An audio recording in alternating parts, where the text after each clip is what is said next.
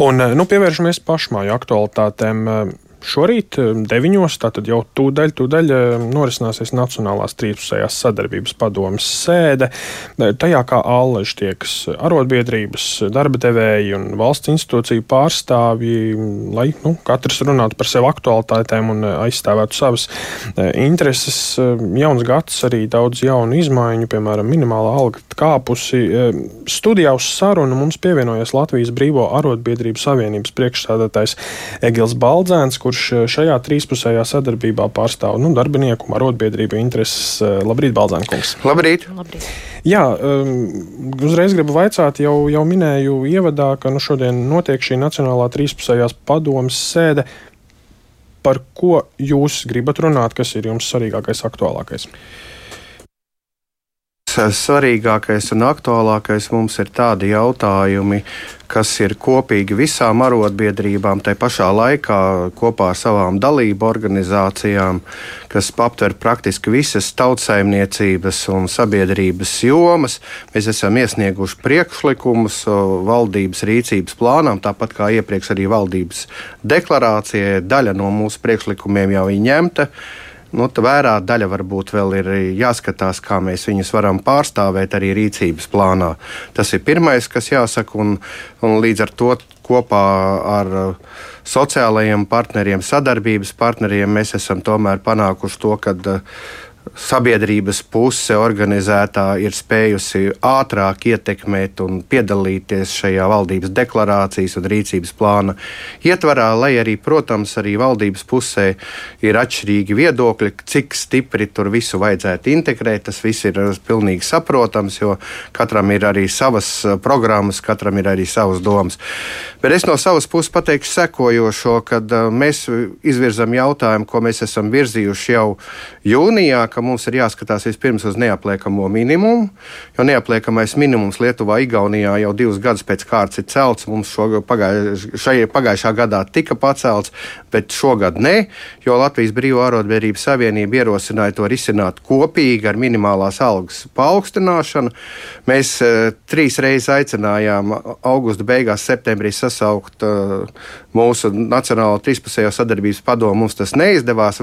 Kāpēc? Nu, praktiski tāpēc, ka mēģināja novirzīt darba devēja pusi to uz uh, vai nu finansu apakšpadomi, vai nu uz labklājības ministriju. Jo laikam bija vēlme vēl divus gadus pēc kārtas iesaldēt minimālu algu, kas ir no mūsu viedokļa neiespējami. Jo, ja būtu iesaldēta minimāla alga, tad es ņemot vērā to starpību, kāda ir teiksim, ar Igauniju, Lietuvu, kur arī neapliekamais minimums pieauga minimālā alga pieauga, un Igaunijā tas pats, tad mums būtu pieaudzis uh, ļoti strauji tā atšķirība. Un, uh, nu, pateikšu skaitļus kaut vai tas nozīmē, ka Lietuvā viņi jau, teiksim, pēc nomināla būtu pa 124 eiro lielāka, plus vēl viņiem pirktspēja ir daudz labvēlīgāka darbiniekiem. Igaunijā tie būtu 257 eiro. Nu, tā kā šeit uh, Tas ir viens aspekts. Otrs aspekts, kas man jāsaka, ir skaidrs, ka tajā brīdī, kad kāds saka, ka minimālās algas paaugstināšana pie 22 gandrīz procentiem inflācijas, kā bija decembrī, nu, tad mēs varam teikt, ka tur nekāda populisma nav. Jā, tas ir pilnīgi skaidrs, ka tajā brīdī ir kaut kas jārisina. Un vēl viens aspekts no konkurētspējas viedokļa, mēs pat skatāmies tieši uz minimālo algu, tad pagājušā gadā situācija jau bija tāda, ka Igaunijā tad, tad šī minimālā alga ir izdevīgāka teiksim, tieši no konkurētspējas viedokļa Latvijas darba devējiem par 41,5% un Lietuvā par 20%. Tas ir vēl neģerēķinoties to, ka viņi paaugstina gan neapliekamo minimumu, gan minimālo algu un ievērojami. Es vēl, protams, gribētu citēt arī Nausēdas kungu, kas teica, ka tas nav tikai sociāli ekonomisks jautājums, kad jautājums par minimālās algas un neapliekamā minimuma pacelšanu ir arī nacionālās drošības jautājums, jo sabiedrībā, protams, nevajag nokaitēt situāciju situācija pie šādas inflācijas, kad 20% uh, ir šī inflācija, un tajā pašā laikā pašiem trūcīgākajiem mēģināt kaut kā šo iespēju nekompensēt kaut daļēji. Tas vienkārši nozīmētu nu, tādu nu, nesamērīgu politiku, netaisnīgu politiku. Nu, kā izskatās ar minimālās algas piemērošanu šobrīd? Vai nav tā, ka darba devēja mēģina tā kā uz papīrā slodzī samazināt, lai nebūtu jāmaksā pilnā apmērā alga? Vai nav šādi novērojumi?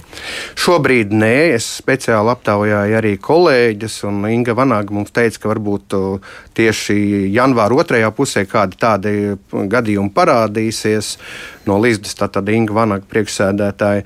Bet, protams, ir arī kaut kādas problēmas ir īpaši par nozarēm. Nu, paņemsim kaut vai to, ka auklītis, kas nav pedagoga bērnu dārzos, ja, tur viņiem ir nedaudz virs minimālās algas, viņiem nav panākta vienošanās, jo viņi nav pedagogi. Tā pašā laikā viņi zināmas pedagoģu funkcijas daļu pilda.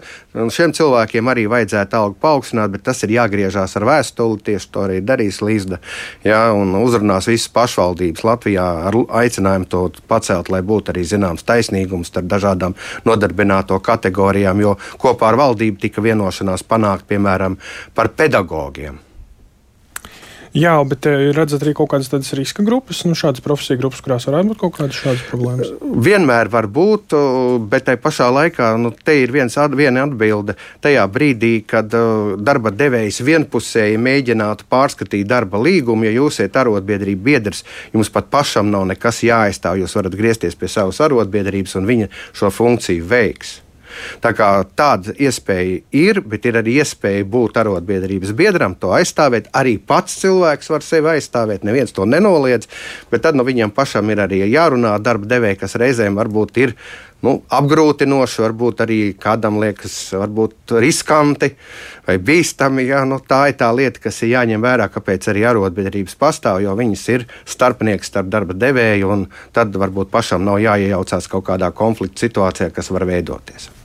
Nu, runājot par šī gada budžetu, ja jūs raugāties, tās arī ir sarunas, kas šobrīd aktīvi risinās politiķu starpā. Kādas būtu uh, arotbiedrību vēlmes, prioritātes, ko jūs vēlētos redzēt? Vai jau minētais neapliekamais minimums ir tas? Nē, no, tas, tas ir viens, kas visiem, uh, protams, ir. Un, uh, es uzsvēru Lietuvu, Igauniju, viņu cēla, un mēs vajadzēja mums to izdarīt jau septembrī kopā ar darba devējiem un pataugstināt, jo tad mēs arī šīs izmaksas būtu izlīdzinājuši starp darba devējiem, valsti un pašvaldību.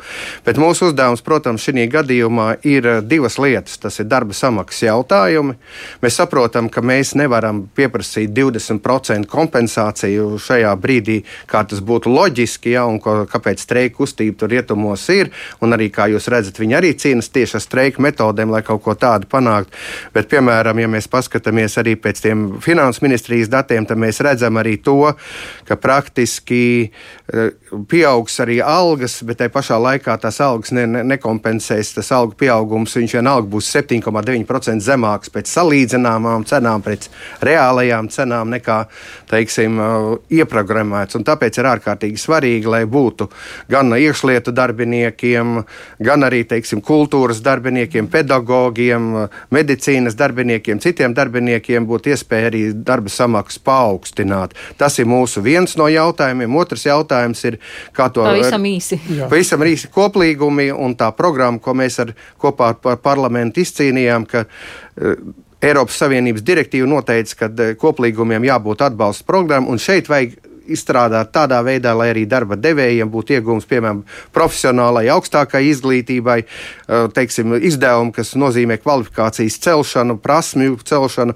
nozīmē to, ka nevajag pielīdzināt vēl papildus izmaksām, kas ir par izglītību, arī darba spēka nodokļus. Tas ir sociālos nodokļus un iedzīvotāju nodokļus, kas ir papildus lokus arī darba devējiem. Tāda risinājuma ir nepieciešama. Jā, teiksim paldies šajā brīdī par sarunu Latvijas Brīvā arotbiedrības savienības priekšsādātājiem Egēlam Baldzēnam. Tātad šorīt deviņos Nacionālās trīspusējās sadarbības padomjas sēdi par aktuāliem jautājumiem. Tūlīt jau ziņas puses astoņos.